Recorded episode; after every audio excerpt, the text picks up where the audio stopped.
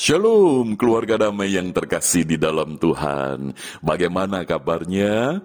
Puji Tuhan, saya percaya bahwa hari ini kita ada sebagaimana adanya, itu semua ada di dalam pemeliharaan Tuhan. Kita berjumpa kembali di dalam Renungan Samas, Rabu 20 Oktober 2021. Kita akan bersama merenungkan dari firman Tuhan yang terambil di dalam Injil Yohanes, pasal 13 ayat yang pertama sampai dengan yang ke-17, namun yang mendasari ayat firman Tuhan untuk renungan pada saat ini saya ambil di dalam ayat yang keempat dan lima saja. Demikian firman Tuhan. Lalu bangunlah Yesus dan menanggalkan jubahnya. Ia mengambil selai kain lenan dan mengikatkannya pada pinggangnya. Kemudian ia menuangkan air ke dalam sebuah basi dan mulai membasuh kaki murid-muridnya lalu menyekanya dengan kain yang terikat pada pinggangnya itu. Sedemikian jauh pembacaan firman Tuhan. Keluarga damai, tema yang akan kita renungkan adalah lingkaran kasih. Di dalam peristiwa Tuhan Yesus membasuh kaki para murid, ada satu makna yang dalam, yaitu di mana Tuhan Yesus ingin mengajarkan tentang kasih yang menjadi sebuah lingkaran di dalam kehidupan orang yang beriman kepada Tuhan. Dan apa yang dilakukan oleh Tuhan Yesus ini memang out of the box. Artinya Tuhan Yesus melakukan sesuatu yang tidak lazim sebagaimana pada umumnya. Sebab tindakan untuk membasuh kaki ini secara ritual itu yang melakukan adalah seorang budak. Jadi bukan seorang pemimpin, bukan seorang tuan, maka itu ketika Tuhan Yesus di dalam uh, firman Tuhan menegaskan bahwa kamu menyebut aku guru dan Tuhan, katamu itu benar. Maka ketika Tuhan Yesus yang adalah guru dan Tuhan, tetapi melakukan satu tindakan, membasuh kaki, itu betul-betul out of the box. Tetapi di balik semua itu Tuhan Yesus ingin mengajarkan tentang lingkaran kasih. Artinya bahwa di dalam kasih itu ada tindakan-tindakan yang menyertai kasih itu menjadi nyata. Sesuatu yang bisa dirasakan bahwa kasih itu bukan sebuah teori, tetapi kasih itu merupakan satu tindakan. Maka itu Tuhan Yesus di dalam ayat yang keempat tadi, lalu bangunlah Yesus dan menanggalkan jubahnya. Setelah dia menanggalkan jubahnya, apa yang dilakukan? Dia mengambil selai kain lenan, lalu diikatkan pada pinggangnya. Apakah cukup berhenti di situ? Tidak, tetapi dia menuangkan air ke dalam sebuah basi dan mulai membasuh kaki murid-muridnya. Keluarga damai, Yesus yang adalah Tuhan dan Guru, tetapi melakukan satu tindakan nyata, yaitu membasuh dan ini merupakan satu tindakan yang menunjukkan bahwa Yesus mengasihi murid-muridnya. Dan memang betul yang dikatakan di dalam ayat yang pertama tadi. Sementara itu, sebelum hari raya Paskah mulai, Yesus telah tahu bahwa saatnya sudah tiba untuk beralih dari dunia ini kepada Bapa. Dan firman Tuhan katakan, ia mengasihi mereka sampai pada kesudahannya. Maka itu lingkaran kasih itu diwujudkan di dalam tindakan yang nyata. Maka itu kalau saya menyebut dengan istilah lingkaran kasih, yang pertama ketika seseorang mengatakan mengasihi itu berarti melayani. Mengasihi bukan minta dilayani. Maka itu di dalam Markus pasal 10 ayat 45, di sana dikatakan bahwa anak manusia itu datang bukan untuk dilayani, melainkan untuk melayani. Bahkan memberikan nyawanya bagi tebusan bagi banyak orang. Keluarga damai. Jikalau kita menyatakan aku mengasihi Tuhan, itu berarti kita melayani Tuhan, bukan? Yang diwujudkan di dalam pelayanan kepada orang-orang di sekitar kita, di tengah keluarga kita, di tengah pekerjaan kita, di tengah masyarakat, dan juga di tengah gereja. Maka itu ketika kita mau mengasihi, itu berarti melayani. Sebab Tuhan Yesus telah menunjukkan hal itu. Dia mengasihi murid-murid, maka dia melayani melalui pembasuhan kaki.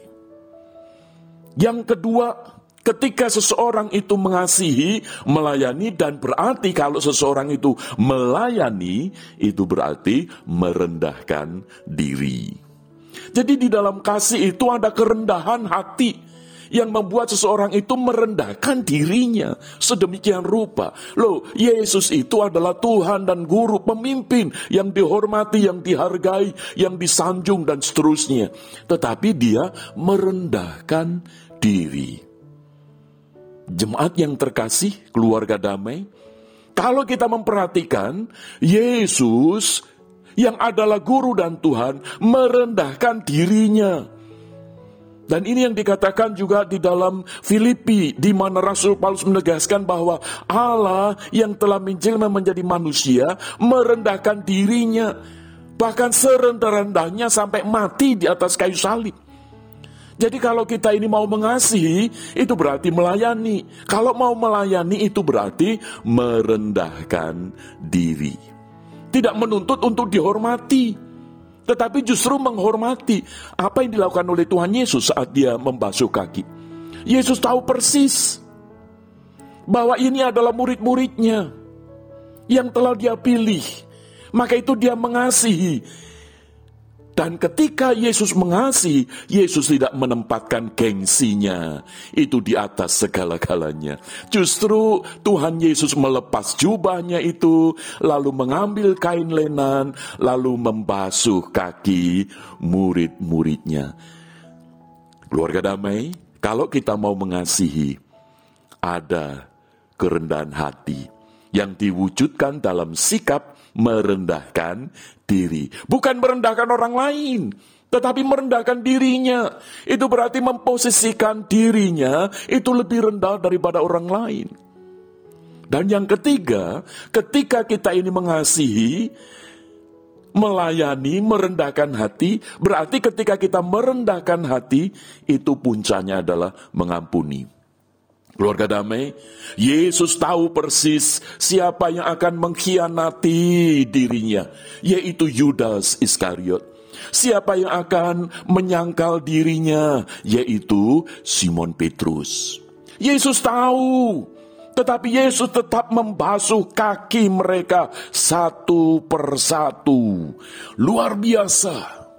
Dan puncak pengampunannya adalah ketika Yesus disalibkan itu. Kalimat yang indah, yang agung, yang luar biasa ketika keluar dari mulut Yesus di atas kayu salib itu adalah, Ya Bapa, ampunilah mereka. Keluarga damai, jikalau kita ini menyatakan, aku mengasihi, mengasihi Tuhan, mengasihi orang-orang di sekitar kita, Suami mengasihi istri, istri mengasihi suami. Biarlah ada pengampunan satu dengan yang lain. Orang tua mengasihi anak, anak mengasihi orang tua. Mertua mengasihi menantu, menantu mengasihi mertua. Biarlah ada pengampunan. Saudara bersaudara, kakak, adik. Biarlah ada pengampunan di sana. Ketika kita mengatakan, aku mengasihi. Sebab kasih itu merupakan sebuah lingkaran yang tidak bisa diputus satu dengan yang lain. Maka itu puncak daripada kasih adalah mengampuni.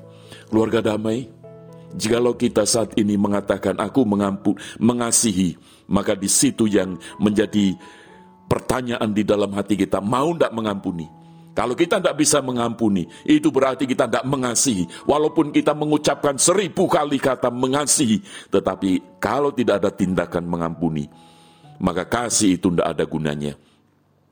Lingkaran yang berikutnya, yaitu yang keempat adalah ketika kita mengampuni, berarti di situlah kemuliaan dari mengasihi itu terwujud. Puji nama Tuhan ketika Tuhan Yesus membasuh kaki para murid ini. Dia bukan hanya mengajarkan tentang kasih, tetapi dia juga menunjukkan karena dia melakukan itu. Jadi kasih ini menjadi sebuah lingkaran. Sekalipun kita memang harus out of the box. Mungkin tidak lazim kalau ada orang tua yang merasa dirinya itu tidak benar lalu minta maaf kepada anaknya. Atau demikian juga sebaliknya. Out of the box. Tetapi itu sedang menjalankan sebuah lingkaran kasih. Di mana kalau kita mengasihi itu berarti melayani. Dan ketika kita melayani itu berarti merendahkan diri. Dan kalau kita merendahkan diri, puncaknya adalah kita memberi pengampunan. Dan kalau kita mau mengampuni, itu berarti kita merasakan dan mengalami kemuliaan daripada kasih Allah di dalam Yesus Kristus.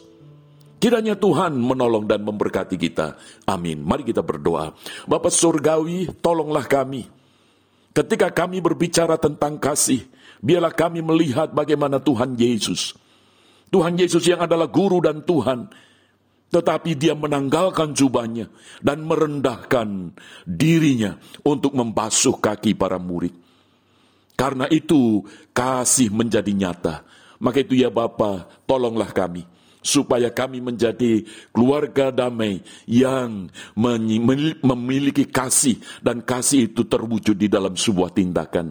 Tolonglah kami ya Bapak dan ampuni segala dosa kami ketika selama ini ketika kami berbicara tentang kasih tetapi sering kali kami mengabaikan tindakan-tindakan yang mewujudkan lingkaran kasih itu nyata inilah doa kami ya Bapa. Di dalam nama Tuhan Yesus hambamu berdoa. Amin. Keluarga damai Tuhan Yesus memberkati.